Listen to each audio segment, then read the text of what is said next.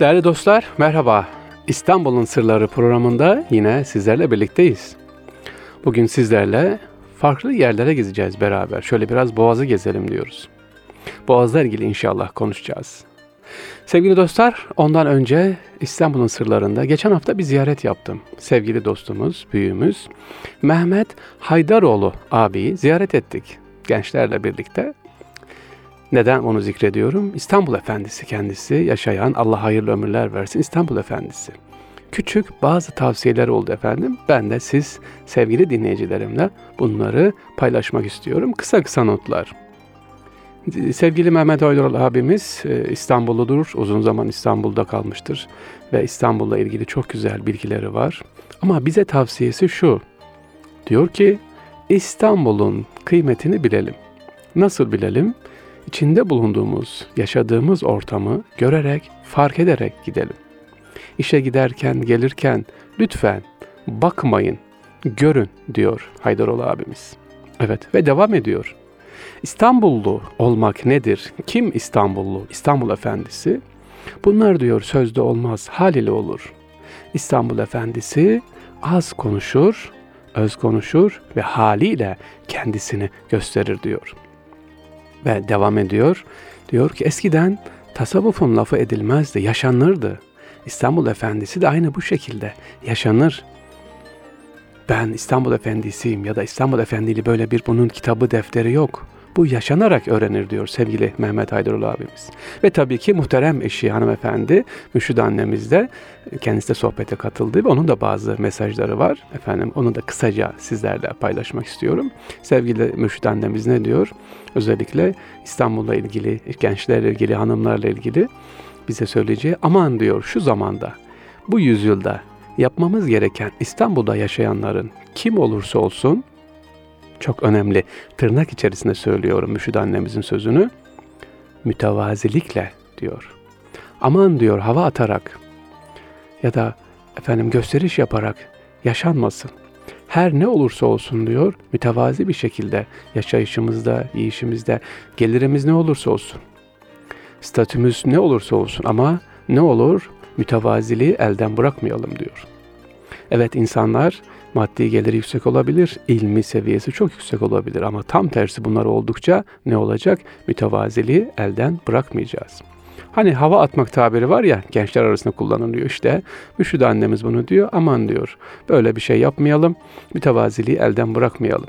Ne olursak arabaya binişimiz nezaketle edeple. Otobüse binişimiz nezaket ve edeple olsun diyor. Ve mutlaka bir otobüse bindik bir metrobüse bindik. Selamla girelim. Çünkü bir düşünün bir şoföre, bir dolmuş şoförüne, bir metrobüs şoförüne hatta görüyorsanız eğer e, metro şoförünü kullanan kişiye merhaba dediğiniz zaman göz teması kurduğunuz zaman ne yapıyor? Akşama kadar on binlerce kişi taşıyor. Sizden aldığı o moralle, enerjiyle ne yapacak? Efendim daha bir enerjik olacak.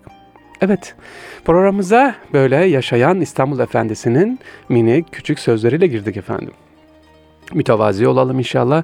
İstanbul Efendisi dediğim gibi olunmaz hal ile olur. Bunu da bakarak, görerek diyor sevgili Mehmet Haydaroğlu abimiz. Devam ediyoruz dostlar. İstanbul'un sırlarında bugün bakın nereye gideceğiz efendim. Bizden ayrılmayın, devam ediyoruz.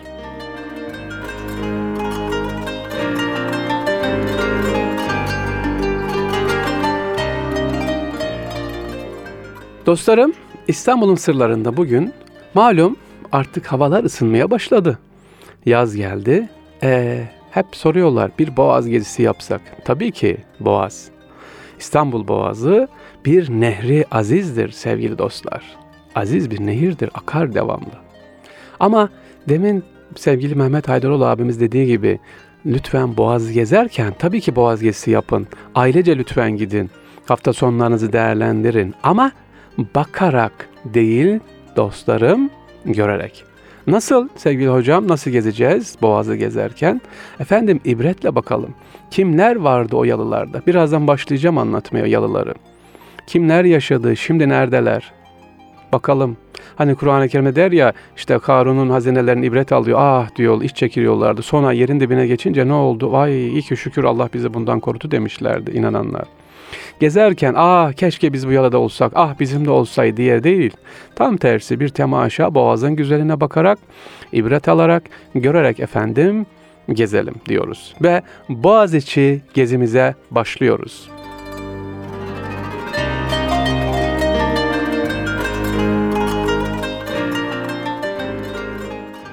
Dostlarım Erkam Radyo'da İstanbul sırlarında Boğaz içine geziyoruz. İstanbul Boğazı 30 kilometre uzunluğundadır. En dar yeri 700 metre, en gen, geniş yeri ise efendim 3,5 kilometre. Evet 3,5 kilometre. Boğazımızın derinliği bazen 100 metreyi geçse de ortalama 60 metre kadar derinliği var. Evet İstanbul Boğazı'nın. Aslında İstanbul Boğazı dostlarım bir su oluğu gibi. Avrupa havasayı birbirinden ayırıyor. Karadeniz ve Akdeniz kültürlerini birleştiren tek su yolu. Karadeniz Havzası'nın da burası tek kapısı. Boğaz, İstanbul Boğazı Karadeniz'den soğuk su, Marmara'dan da sıcak su olarak geldiği için onun için çok dalgalı, akıntılıdır. Boğaz'da çok ünlü akıntılar vardır. Birazdan neden hocam bunu anlatıyorsunuz? Akıntıyla bizim ne alakamız var belki diyebilirsiniz. Ama Boğaz'ı gezerken tekneniz hafif sallandığı zaman ya da bir dalga geldiği zaman korkmayın diye anlatıyorum. Demek ki Arnavutköy'e geldiniz ya da Vaniköy arasındasınız. Çünkü orada ne var? Maskara akıntısı vardır. Arnavutköy, Vaniköy arasında. İşte bu akıntıya maskara akıntısı deniyor. Bu akıntıların hızı bazen saatte 9-10 kilometreyi bulur dostlarım. Ee, Boğaz içinde mesela maskara akıntısı var dedik efendim. İleride daha ileri gittiğimiz zaman şeytan akıntısı var ileride. Efendim bu hisarlar arasında özellikle Rumeli Hisarı ile Anadolu Hisarı arasında şeytan akıntısı var. Girdap çünkü nereden geleceğini bilmiyorsunuz. Bu akıntılar e, gezerken hissedersiniz size arabayı biraz sallar e, teknenizi. E, Boğaz içinde e, bu Rumeli Hisarı'nı göreceğiz birazdan inşallah vaktimiz gelirse oralara doğru. Rumeli Hisarı efendim e, Anadolu Hisarı var dostlarım. 1624 yılına kadar buralarda yoktu. Böyle bir koruma yoktu. Bizim hisarlarımız vardı ama Kazaklar, Rus Kazakları Boğaziçi'ne inerek Yeniköy, Tarabya ve bazı bu, buradaki köylerimizi yakıp yıkıyorlar. Ancak bundan sonra biz Rumeli Feneri, Rumeli Kava, Garipçe köylerini kuruyoruz ki bir savunma e, mekanizması olarak olsun diye. Evet, Kavak ve Anadolu Kava, Rumeli Kava. Hocam Kavak ne demek? Kavak kelimesi bildiğiniz kavak değil sevgili dostlar. Uzun bir ağaç değil. Kavak gümrük demek. Anadolu gümrüğü, Rumeli gümrüğü. Geçen gemilerin ya da boğaza giren çıkan gemilerin takip edildiği yer demek kavak. Bizim Boğaz'ı gezerken 1851 yılında şirketi Hayriye kurulana kadar Boğaziçi'ne günde bir sefer yapılıyordu. Evet bir sefer. 1849 ee, ilk sefer başlıyor. Ee, Boğaz'da günde bir sefer. Sonra şirketi Hayriye kurulunca Boğaz seferler sayısı artıyor. Bugün elhamdülillah Boğaz'ı gezmek istiyorum derseniz istediğiniz zaman Eminönü'nden, Kabataş'tan, Üsküdar'dan gezebilirsiniz. Ne güzel. Sevgili dostlarım bugün günümüzde hani nişan törenleri yapılıyor, düğün törenleri var ya resepsiyonlar, firmaların kutlamaları var ya yapılıyorlar, davetler var. Eskiden bu biraz sonra gezeceğimiz yalı sahipleri nasıl yapıyorlardı? Mehtap davetleri yapıyorlardı efendim. Mehtap seyretme. Evet.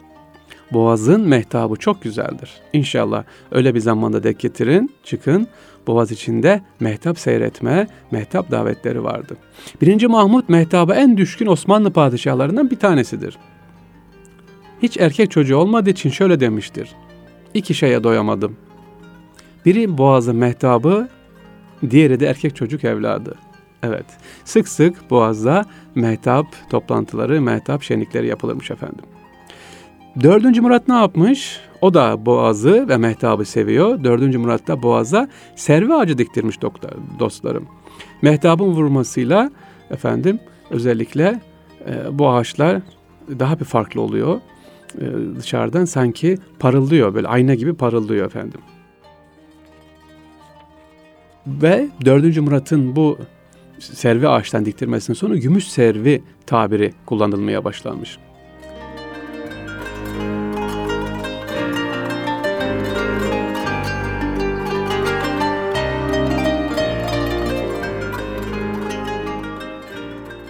Ve mimoza geldik bir başka çiçek efendim. Mimoza gümüş yaprakları gerçek akasya diye bilinir mimoza ağacına gümüş yaprakları gerçek akasya diye bilinir ve farklı bir bitki. Bunu daha sonra anlatacağım inşallah.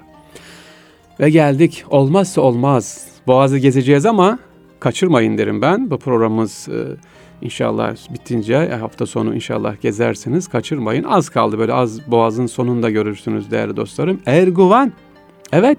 Erguvan olmazsa olmaz değil mi? Boğazı gezeceksiniz. Aman Erguvan'ı görmeden ben Boğaz gezisi yaptım demeyin. Nisan ve Mayıs aylarında efendim. Gerçi bu sene biraz evet erken oldu.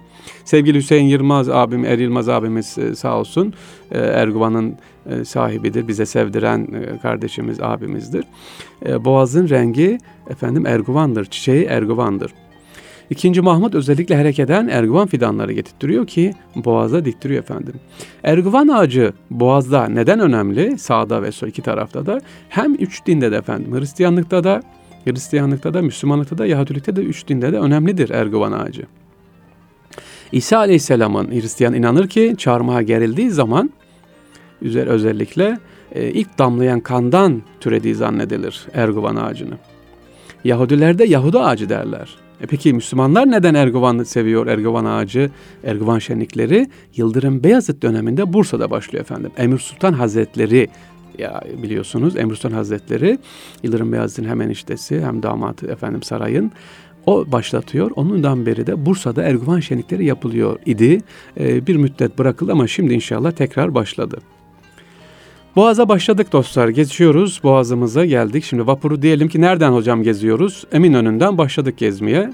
Eminönü'nden yeni camiyi gördük, hareket ettik, sırtımızı arkamıza aldık. Böyle yavaş yavaş Haliç'ten çıkıyoruz. İlk gördüğümüz sol taraftaki cami ne cami? Sol tarafta artık Karaköy geçiyoruz. Yeraltı camini göreceksiniz efendim. Yeraltı cami. Tekneyle giderken Karaköy tarafına dönün bakın. Yeraltı cami var. Ne var orada?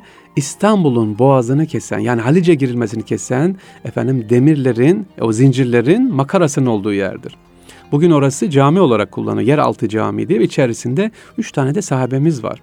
Ama orası Bizans döneminde ve Galatalılar döneminde neydi? Zincirlerin makarasının olduğu, çekildiği yerdi. Ee, bir müddet fetihten sonra orası ne olarak kullanıldı? Yeraltı cami depo olarak kullanıldı. 1780'lerde dönemin Şeyhülislam'ın gördüğü bir rüya üzerine oradan bir nur parlıyor. Kazılar yapılıyor ve bugünkü içine girdiğiniz zaman görürseniz o sahabeleri, o Allah dostlarını e, efendim mezarını ziyaret edebilirsiniz. Burada yeraltı cami. Evet tekneden giderken bu sahabeleri de selamlıyoruz. Yavaş yavaş teknemiz hareket ediyor. Nereye geldik? Karaköy geçtik efendim. Kılıç Ali Paşa Camii'ne göreceksiniz. Hemen solumuzda Kılıç Ali Paşa Camii var. Kılıç Ali Paşa Camii'nin hikayesi ilginçtir. Görmenizi tavsiye ederim. Hatta gençler gidiyorlar pazar sabahları namazdan sonra kahvaltı yapıyorlar. Çok güzel. Tebrik ediyorum oranın imamını ve görevlilerini. Kılıç Ali Paşa Camii hangi dönemde yapılıyor? Üçüncü Murat döneminde yapılıyor. İkinci Selim'in oğlu üçüncü Murat e, Mimar Sinan gene hayatta. Kılıç Ali Paşa padişahtan diyor ki efendim ben bir cami yaptırmak istiyorum. Padişah da latife yapıyor. Paşa paşa diyor. Sen diyor Bahriyelisin diyor. Yani genel e, amiralsin diyor. E, bizim donanma komutanımızsın diyor. Git diyor senin yerin denizde. Denizde yap camini diyor. Biraz üzülüyor tabii buna. Bunu espriyi tam anlayamıyor Kılıç Ali Paşa. Mimar Sinan anlatıyor. O da diyor ki gel diyor senin çözümün burada. İlk defa sevgili dostlar denizden doldurularak yapılan camimiz Kılıç Ali Paşa Camii'dir. Bugün denizden böyle giderken Karaköy'de hemen sahile yakın olan Kılıç Ali Paşa Camii'nin hikayesi demek böyleymiş. Padişah 3. Murat diyor ki denizde yaptır. O da tamam diyor Mimar Sinan. Mimar Sinan yaptırıyor. Bir şey daha istiyor Kılıç Ali Paşa. Diyor ki ya ben bir cami yaptıracağız doldurduk ama e, Ayasofya gibi olsun diyor. O da biraz abartıyor. E peki diyor hadi Ayasofya gibi yapalım ama para yetmez. Mimar Sinan'da nasıl yapıyor efendim? Ayasofya'nın bir küçültülmüş maketi gibi şeklinde Kılıçalı Paşa Camii'ni yapıyor. Böyle içine girenler sanki Ayasofya'yı geziyor hissini verir efendim böyle bakarsanız. Ve küçük bir hikaye daha anlatıp Kılıçalı Paşa'dan geçiyoruz efendim. Ne var Kılıçalı Paşa'nın hikayesi? Sevgili dostlar, Kılıç Ali Paşa'da e, Cervantes var duymuşsunuzdur. İspanyol e, Don Quixote'un yazarı. Evet o Bura caminin açılışını, e, yapılışında e, çalışmıştır kendisi burada. Geçiyoruz Karaköy'den yavaş yavaş ilerliyoruz sevgili dostlar. Ne var geldik?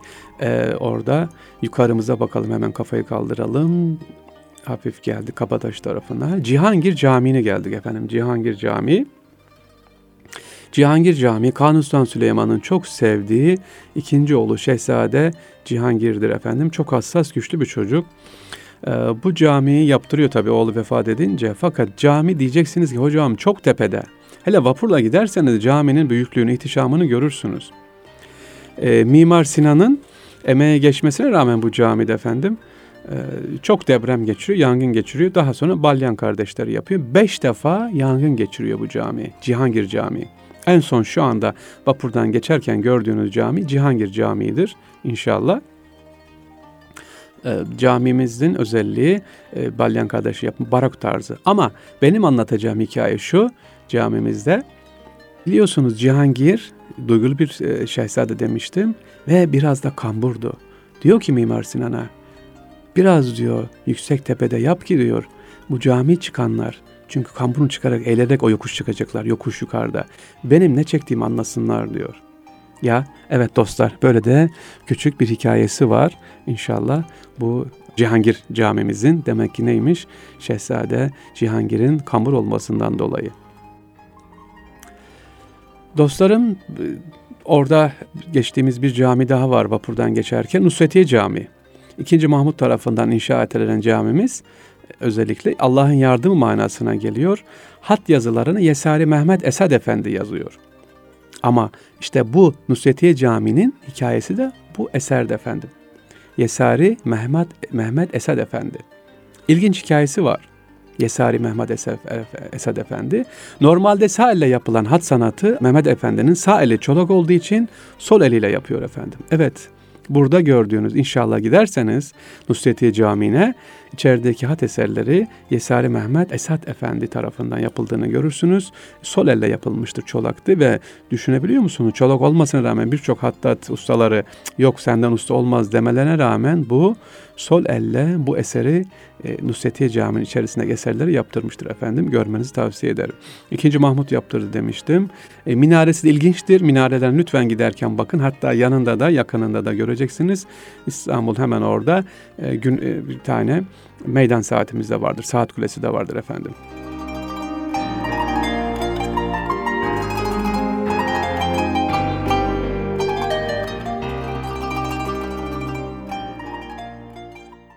Kabataş'a da yavaş yavaş geldik dedim. Bugün de e, konumuz, dersimiz Boğaz gezisi. Tekneye oturduk dostlarım. Sizi Boğaz'ı yavaş yavaş gezdireceğim. Anadolu yakasından başladık. Anadolu yakasından yavaş yavaş gidiyoruz inşallah. Kabataş'ın yukarısında taş ocakları var ve taş çıkartılıyordu. Barutla basıldığı zaman koca bir taş o dönemde buraya düşmüş ve Kabataş isminin buradan geldiği rivayet edilir efendim. Evet. Dolmabahçe'nin taşları da bu ocaktan alınıyormuş. Dolmabahçe Camii ve Dolmabahçe Saray yapılırken e, o çok sert kayalar patlatmak için barutla patlatıyorlar. Ondan dolayı da e, buraya ne diyorlar? Kaba taş deniyor efendim. Dolmabahçe'ye geldik mi? Dolmabahçe Sarayı ve Dolmabahçe Camii. Dolmabahçe Saat Kulesi'ni anlatayım ben. Dolmabahçe Sarayı yapılırken bu Saat Kulesi vapurla gezerken e, görürsünüz Boğaz gezisinde Saat Kulesi'ni İtalyanlar tarafından İstanbul'a hediye ediliyor efendim. Eğer yolunuz düşerse Dolmabahçe Sarayı'nın girişinde kafedir, kafede vardı. Yukarıya çıkarsınız, oturursunuz. İlginç bir yerdir İstanbul Dolmabahçe Sarayı'nın girişindeki e, Saat Kulesi efendim. Dolmabahçe Camii'nin arkasında yine aynı yükseklikte bir cami vardı efendim. Şimdi geldik, teknelerden gidiyorsunuz. Orada bir otel göreceksiniz. Şöyle bakın, gözünüzü yukarıya doğru kaldırın. Orada ormanlık içerisinde bir otel var. E, hatta bir bayrak görürdünüz eskiden. İsviçre bayrağı görürdünüz. Evet, orası bir otel. Ama burası otel değil efendim. Burası Abdülaziz tarafından temeli atılan Aziziye Camii'dir. Bugün Taşkışlar'ın hemen arkasında e, Beşiktaş Stadyumu var ya şu an yeni açıldı. Onun karşısındaki otelin olduğu yer Abdülaziz tarafından temeli atılan hatta taşlık kısmı bitirilen bir cami idi efendim o büyük alan. E Abdülaziz öldürülünce, şehit edilince efendim cami yarım kaldı.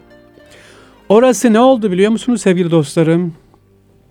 Aziziye Camii'nin yeri, şimdiki otelin yeri ne oldu? Gazin oldu. Taşlık gazinosu. Ya bir müddet gazin olarak devam etti orası. Daha sonra çeşitli çeşitli yerlerde kullanıldı ve şimdi otel olarak hizmet ediyor. Yoksa temeli oranın cami olarak atılmıştı efendim. Abdülaziz'in merhum ömrü yetmedi. 1980'li yıllardan beri orası otel olarak kullanılıyor. Ortaköy'e geldik. Ortaköylüler biraz şanslı. Özellikle 2. Abdülhamit Han'ın 33 yıllık saltanatı döneminde çok şanslılar Ortaköy'de oturanlar. Neden? Şimdi birazdan anlatacağız. Feriye saraylarını anlatacağım orada. E, Abdülhamit Han evet otoriter bir padişah ama ne yapıyordu? E, etraftaki e, akra aileler de var, saray ahalisi de var. E, saraylar yapılmaya başlanmış, e, konaklar var. Halk ile saray arasında uçurum olmasın diye sevgili dostlarım ne yapılıyor? Yıldız Sarayı'nda pişirilen yemekler halka dağıtılıyor ücretsiz denecek fiyata. Mesela dışarıda bir kap yemek 5-6 liraysa saray mutfağından gidip aynı pişmiş artık değil ha sakın ha. Yıldız Sarayı'ndan pişmiş olan yemeğe 25 kuruşa ya da 1 liraya alabiliyordunuz Osmanlı yemeklerini. Onun için Ortaköy'de oturanlar şansı. Neden Abdülhamit Han böyle bir şey yapmış Ortaköy'de için? Ne demiştim? Saray ile halk arası uçurum olmasın diye böyle sarayda pişen ne yemek varsa Ortaköy halkı gidiyor saraydan, mutfaktan aynı yemeği alıp ve çok da ucuz miktara yiyorlar efendim. Oradan Ortaköy'ü anlattık. Beşiktaş iskelesi ilk defa unuttum demin geçerken Beşiktaş iskelesi Mimar Sinan tarafından inşa ediliyor ilk olarak. Ve bu Beşiktaş iskelesi var ya bugün Beşiktaş Üsküdar'a giden vapurlara bindiğimiz, teknelere bindiğimiz yer. Mimar Sinan inşa ettiği ilk iskele. Cumhuriyet döneminde tekrar inşası yapılıyor. Efendim.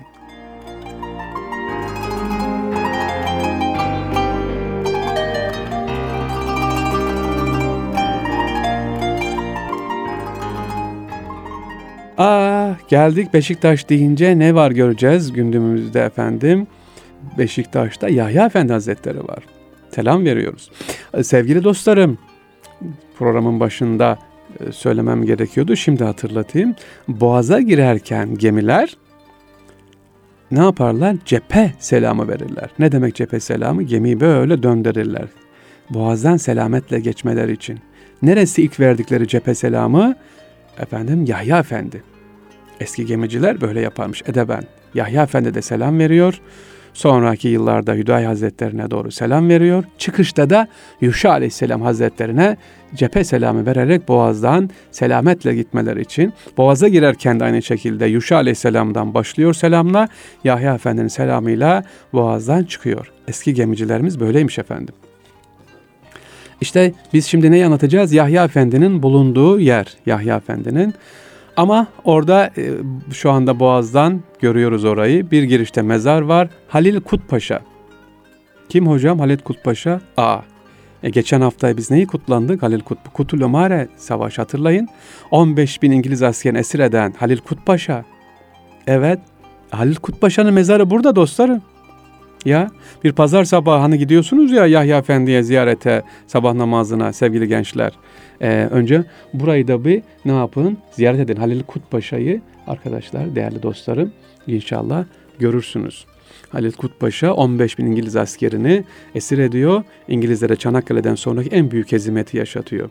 Ülkemizde sevgili dostlar bu Halil Kutpaşa'nın e, bu zaferi 1952 yılına kadar kutlanıyor idi şanlı zafer. Ama NATO'ya üye olmamız için İngilizlerin e, özel ricasıyla bu kutlama sona erdirildi arkadaş değerli dostlarım. Evet eskiden ne yapıyorduk? Biz Kutulu Ömare Bayramı kutlanıyorken, hatırlanırken şimdi artık hatırlanmıyor efendim. Unutturulmuş ama Sayın Cumhurbaşkanımızın e, delaletleriyle efendim, destekleriyle tekrar inşallah kutlanmaya başlayacak.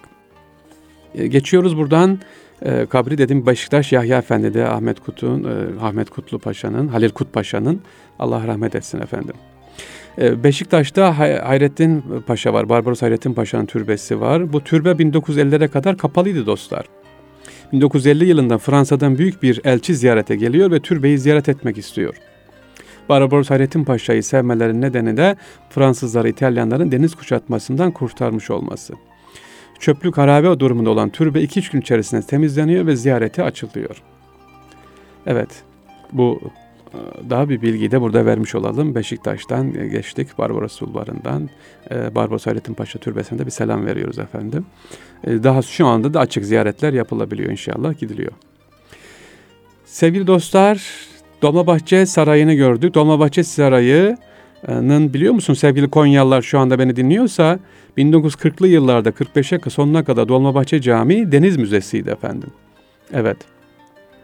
E, Deniz Müzesi'ydi. Hitler'in Edirne'ye kadar gelmesinden sonra buradaki ve Topkapı Sarayı'ndaki bazı eşyalar Konya'ya taşındı. 45'ten sonra e, Deniz Müzesi e, tekrar buraya taşındı. Yani Dolmabahçe Camii müze görevi gördü efendim.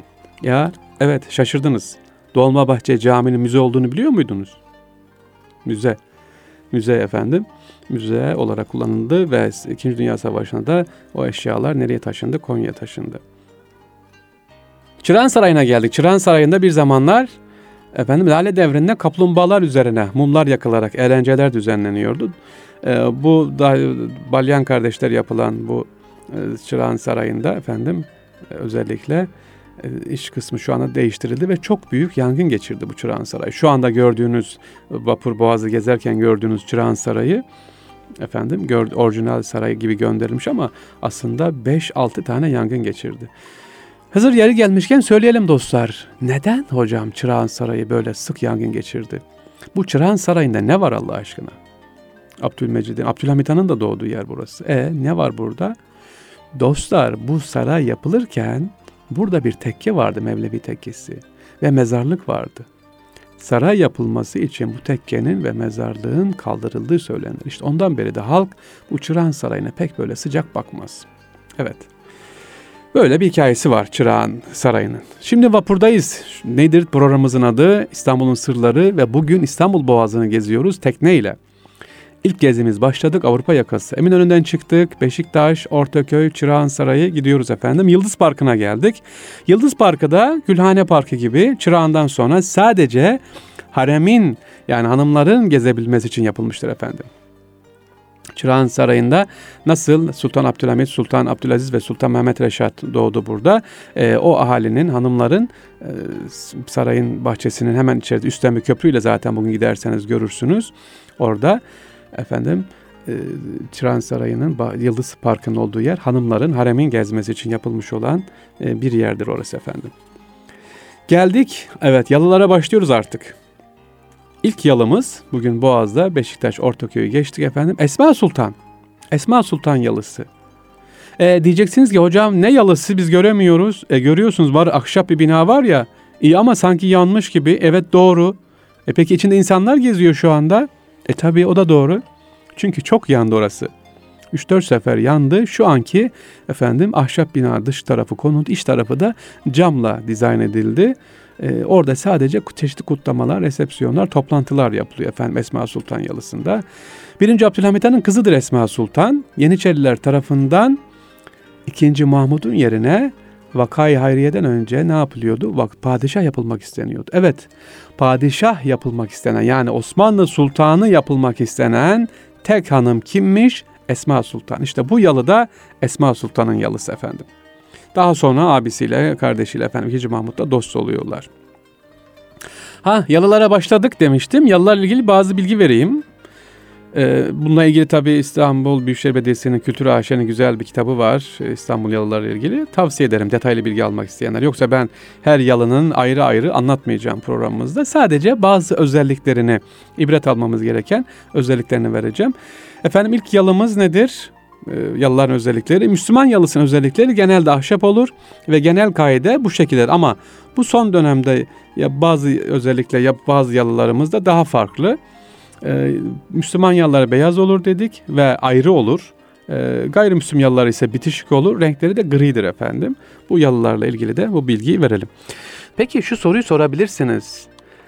Neden Avrupa yakası ve Anadolu yakasında böyle çok yalı var? Ha ne kadar yalı var? Ee, tahmini olarak 500 550'nin üzerinde yalı var efendim. Şu anda bilinen kayıtlı yalı sayısı Boğaz'da 500'lerin üzerinde yalı var. 550. Evet, yalılar var. Neden yapılmış derseniz sevgili dostlar, eskiden Osmanlı İmparatorluğu'nda bir gelenek vardı, bir kural vardı daha doğrusu. Nedir bu kural? Bir devlet memuru, kim olursa olsun üst düzey veya değişik görevlerde olan, ister asker, ister kadasker, ister şeyhülislam olsun, vefat ettiği zaman Mal varlığına el konurdu. Buna da müsaade sistemi denir. Nasıl yani? Niye mal el konuluyor? Fazla malına vefat etmiş, artan mal var. Bu devlet buna el koyuyor. Nereye ne yapıyor? Müsaade ediyor, hazineye koyuyor. Ha, bunu bildikleri için devlet ricalinde çalışanlar da ne yapıyorlardı? Hayattayken çeşme, han, efendim hanlar, e, camiler, köprüler, okullar yaptırıyorlardı. Yani dünyaya yatırım değil, ahirete yatırım yapılıyordu. Ne zaman ki Tanzimat'la birlikte artık müsaade sistemi kaldırıldı. Artık mal üzerinde e, tasarruf etme imkanı daha da hızlandı efendim arttı. Bunun üzerine dünya ahirete yatırım değil, dünyaya yatırım başladı ve ilk yatırımda, dünya yatırımda bu yalılardır. İlk yalılarda yapılmaya artık başlandı. Neden hocam? Peki ikinci soruda olabilir. Anladık tamam. Neden bunlar ahşap? Yalılar neden ahşap? Bazı yalılar taştır göreceğiz inşallah vaktimiz yeterse. Neden ahşap? Ahşap taş binaya göre daha kısa ömürlüdür. Şu demek istiyor. Bir nevi beka ve revayı temsil ediyor. Yani ahşap bila ölüm, ölümü temsil ediyor. Taşla yapıldıysa şöyle derlerdi. Dünyaya kazık mı çakacaksın derlerdimiş. Bundan çekindikleri için bina sahipleri ne yapıyorlar? Yalı yaparken ya da bina yaparlarken ahşap bina kullanıyorlardı efendim. Kırmızı olan bina geldik bir tane. Şu anda Esma Sultan Yalısı'nı geçtik. Sevgili dostlarım, Boğaz'dayız, Boğaz'ı geziyoruz. Kırmızı bir bina var solumuzda. Nedir? Tavut'un evi olarak bilinir. Tavut adında Alman Yahudisi Türkiye'ye geliyor ve buraya yerleşiyor. E niye anlatıyoruz bunu? İlginç. Çünkü bunun mezarı nerededir biliyor musunuz? Bu Tavut'un mezarı Edirne Kapı Şehitliğine defnediliyor. Evet, Edirne Kapı Şehitliğinde normalde Müslümanlar defnedilir değil mi? Ama bunun mezarı da buradadır. Niye? E, çalışma hizmetlerinden dolayı orada yatıyor efendim. Geçtik Tavut'un evinden sonra hemen yanında Defterdar İbrahim Paşa Camii var. Boğaz'ın en eski ilk yapılan camilerinden, mütevazi camilerinden bir tanesi dostlar.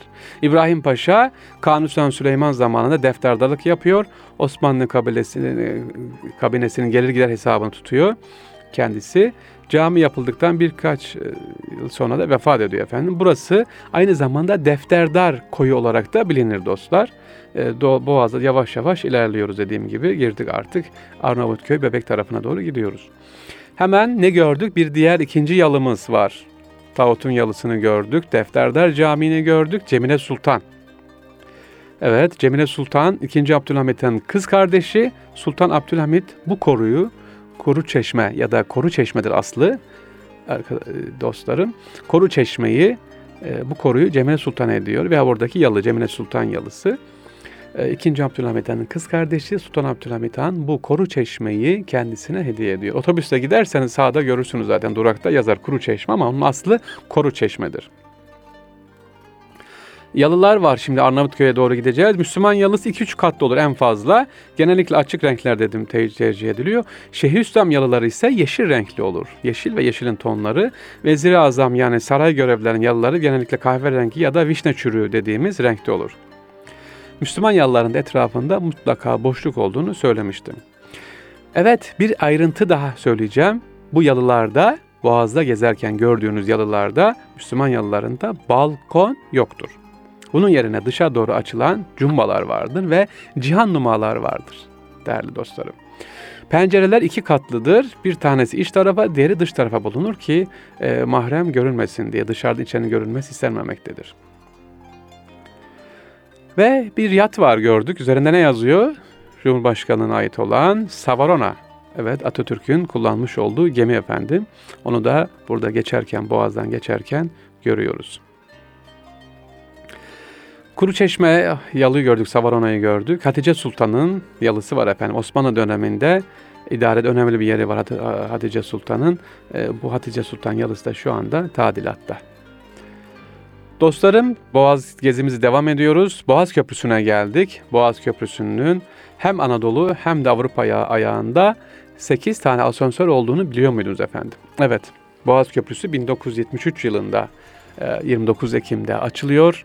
E, benim de adaşım olan o dönemin Cumhurbaşkanı merhum Fahri Korutürk tarafından açılıyor 1973'te. E, ilginçliği şu efendim 25 kuruşa bu asansöre biniyordunuz, paralıydı. Yukarı çıkıp geziyordunuz, görüyordunuz. Boğaz'a, tepeden Boğaz Köprüsü'ne bakabiliyor idik. E şimdi neden bakamıyoruz hocam? Çünkü 79'da ve 78'de bir e, iki sefer yanılmıyorsam orada bir intihar vakası gerçekleşti. Bunun üzerine köprü kapandı dostlarım. Evet, gezebiliyordunuz.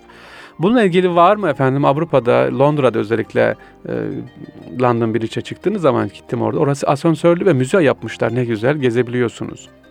Orada böyle bir korku yok ama bizim şu anda İstanbul Boğaziçi Köprümüz bu asansörler çalışmıyor. Yukarıda çıkamıyoruz. Niye hocam öyle dedin? E çünkü korku var. Yani Allah esirgesin korku var. E, bir intihar edilir mi diye. Boğaz Köprüsü'nün altından şu anda teknemizde geçiyoruz efendim. Geldik Galatasaray Adası. Ya ilk etapta 600 metrekare olarak bilinir. Şu anda 1200 metrekare olduğu da söyleniyor. Doldurmalarla gidiyor. Galatasaray Adası kimin? Galatasaray Adası Galatasaray'ın değil. Kimin hocam? E canım şu an Galatasaray'ın ama ilk o dönemde aslında burası Balyan kardeşlerindi. Efendim Sergis Balyan işte diğer amca kardeşleri var bunların nasıl? E, Dolmabahçe Sarayı'nı yaptı, Irkay Şerif Camii'ni yaptı, e, Balyan e, Beylerbeyi Sarayı'nı yaptı. E, e para verilecek. Para para yok. Para yerine bu şimdiki Galatasaray adası veriliyor Balyan ailesine. Para yerine ve borçlarından siliniyor. E sonra sonra burası e, köşk yaptırdı. Burada biliyor musunuz? Evet burada köşk olduğunu yani tam boğazın ortasında Galatasaray Adası'nda çok güzel yalı olduğunu Balyan ailesinin. Ama sonra burası değerlendirmedi boş kaldı diye Osmanlı tekrar buraya ne yapıyor? El koyuyor. Tekrar devlet hazineye geçiyor burayı. Daha sonraki yıllarda 1950 yıllarda galiba merhum Menderes burayı Galatasaray e, futbol takımına hediye ediyor efendim burayı. Geçtik. Ziya Kalkavan yalısı var. Hemen Galatasaray Adası'nın karşısında. E, Kalkavan ailesi denizcidir. Fransız mimar bu, bu yalıyı Boğaz uslubuna göre yapıyor. Buna biz Şaden uslubu diyoruz. Kalkavan ailesi şu anda ikamet ediyor burada. Arnavutköy'e geldik dostlarım. Arnavutköy. Arnavutköy Kanuni Sultan Süleyman zamanında yerleşime başlıyor ve Arnavutluklardan Arnavutluk'tan gelen insanların ağırlıklı yerleştikleri Müslüman gayrimüslim karışık olarak burada yaşıyorlar. E Arnavutköy'ün neyi meşhur? Çileği. Şimdi Sarıyer'e yetişirsek anlatacağım. Arnavutköy'ün çileği meşhur, Sarıyer'in de böreği. Bakalım bebeğin neyi meşhurmuş? Boğazı gezerek yavaş yavaş öğreneceğiz efendim. Ee, burada Halet Çambel yalısı var. Şimdi geldik Arnavutköy'de. Halet Çambel kimmiş dostlar Halet Çambel? Hanımefendi. Evet, Türkiye'nin ilk açık hava müzesini kuran hanımefendi ve olimpiyatlara katılan ilk Türk kadın sporcu. Bu ünvana sahip olan Halet hanımefendinin yalısını görüyoruz. Halet Çambel yalısı kendisi. Dediğim gibi ilk açık hava müzesini kuruyor ve olimpiyatlara katılan ilk Türk hanımefendi sporcu. Yalılarımızı devam ediyoruz. Arnavutköy'den geçtik. Halet yalısından sonra Halet e, Çambel yalısından sonra devam ediyoruz. Şimdi e, Arnavutköy'de geçerken hocam yalı dediniz ama yol geçiyor. Evet doğru. Yalı Arnavutköy'ün o kazıklı yol dediğimiz yol sonradan yapıldığı için o yalılar denize daha yakındı. Yol geçmesi için dolduruldu ve şimdiki Arnavutköy yolu Arnavutköy sahil yolundan dolayı yalılar kenarda kaldı. Ee, Arnavut bu yalılara sahilhane diyoruz eğer e, kenarda kalmışsa yalıya gelmemişse yalı denize bir sıfırsa yalın önü denizden kesilirse buna sahilhane. Eğer denize dip dibe ise buna lebiderya diyoruz. Lebiderya yani deryanın huzurunda manasında da diye giriyor efendim. Sevgili dostlar buradan özellikle geçiyoruz. Savarona'yı soruyorsunuz bana. Tamam Savarona anlatalım. Savarona hocam kısa kestin demişsiniz. Tamam. Savarona adını Hint okyanusunda yaşayan Afrika kuğusunu alan bir gemidir efendim. Şu anda Cumhurbaşkanı makamına ait olan bu gemi Boğaz'ı gezerken görürsünüz. Atatürk'ün ölümünden önce gemide sadece 56 gün vakit geçirmişti. 28 Mart 1931'de denize indiğinde dünyanın en büyük yatı olan bu Savarona e, Türkiye Cumhuriyeti Ertuğrul yatından sonra e, ikinci Cumhurbaşkanı yatıdır bu. Yatın sahibi Türkiye Cumhuriyeti Devleti efendim bu 49 yılına armatör e, daha önce kiralanmıştık ve Kahraman Sadıkoğlu'nu. 2013 yılının sonlarında da Türkiye Cumhuriyeti 12. Cumhurbaşkanı Recep Tayyip Erdoğan'ın talimatıyla efendim e, bakımı yapıldı ve şu anda kullanılıyor. Evet Savarona ne demekmiş? Adını Hint okyanusunda yaşayan Afrika kuğusundan alıyor ve ilk e, denize indirilen o dönemdeki en büyük gemilerden, e, en büyük yatlardan bir tanesiymiş efendim. E, Savarona'yı böyle anlatmış olduk. Devam ediyoruz sevgili dostlar. E, bebeğe geldik. E, bebekte ne var? Bir tane ben hemen orada anlatacağım bir cami özellikle anlatacağım size. Bebekli Emine Paşa yalısı. Onu anlatacağım. Şimdiki nedir? Bebekli, şimdiki Mısır konsolosluğunun olduğu yer. Evet, çok güzel bir yalıdır. Şöyle hatta teknenin kaptanına rica edin, biraz daha yaklaştırsın sizi. Bebek tarafına geldiğiniz zaman orada görürsünüz. Sevgili dostlarım, ee, Bebekli Emine Paşa yalısı. Hocam paşa ne? Evet, Abdülhamit Han'ın ilk defa bir hanımefendiye paşa verdi. Osmanlı'da ilk defa bir hanımefendiye paşa verildi. Budur efendim. Bebekli Emine Paşa yalısı. Şu anda Mısır konsolosu olarak kullanılıyor. Ama yalının hikayesi ilginç. Bu yalıyı Bebekli Emine hanımefendi Milli Eğitime dönemi Marif Bakanlığı'na bağışlamak üzere e, efendim bilgi veriyor, bağışlayacak, tapu işlemleri hazırlanacak. Ama tapu işlemleri hazırlanırken imzaya çağırıyorlar kendisi. Aa orada baksa ki adınız ne? Emine Paşa diyor. Hayır efendim adınız ne? Adım diyor bebe Emine Paşa. Olmaz diyor. Kanun yeni çıktı. Nedir o? Paşa, efendi ünvanları kaldırıldı. Size bebekle Emine diyelim diyorlar. Bakın bağış yapacak hanımefendi. Bugünkü milyonlar, milyon dolarlar değerindeki bu yalıyı marife bağışlayacak ama diyor ki hayır kullanamazsınız adınız ebebekle Emine olabilir. O da kabul etmiyor. Burayı Mısır konsolosluğuna şart olarak veriyor. Paşa ünvanını yazdırmıyor diye. Evet, Bebekli Emine Paşa yalısının çok değerli, çok e, nadide bir eserdir. Mutlaka görmenizi tavsiye ederim dostlarım. E, burada geçtik efendim unutmadan hemen Tevfikiye Camii'ni mutlaka görelim. Geçiyoruz. Tevfikiye Camii Sultan II. Mahmut e, Cami oğlu Şehzade Tevfik adında adına yaptırıyor.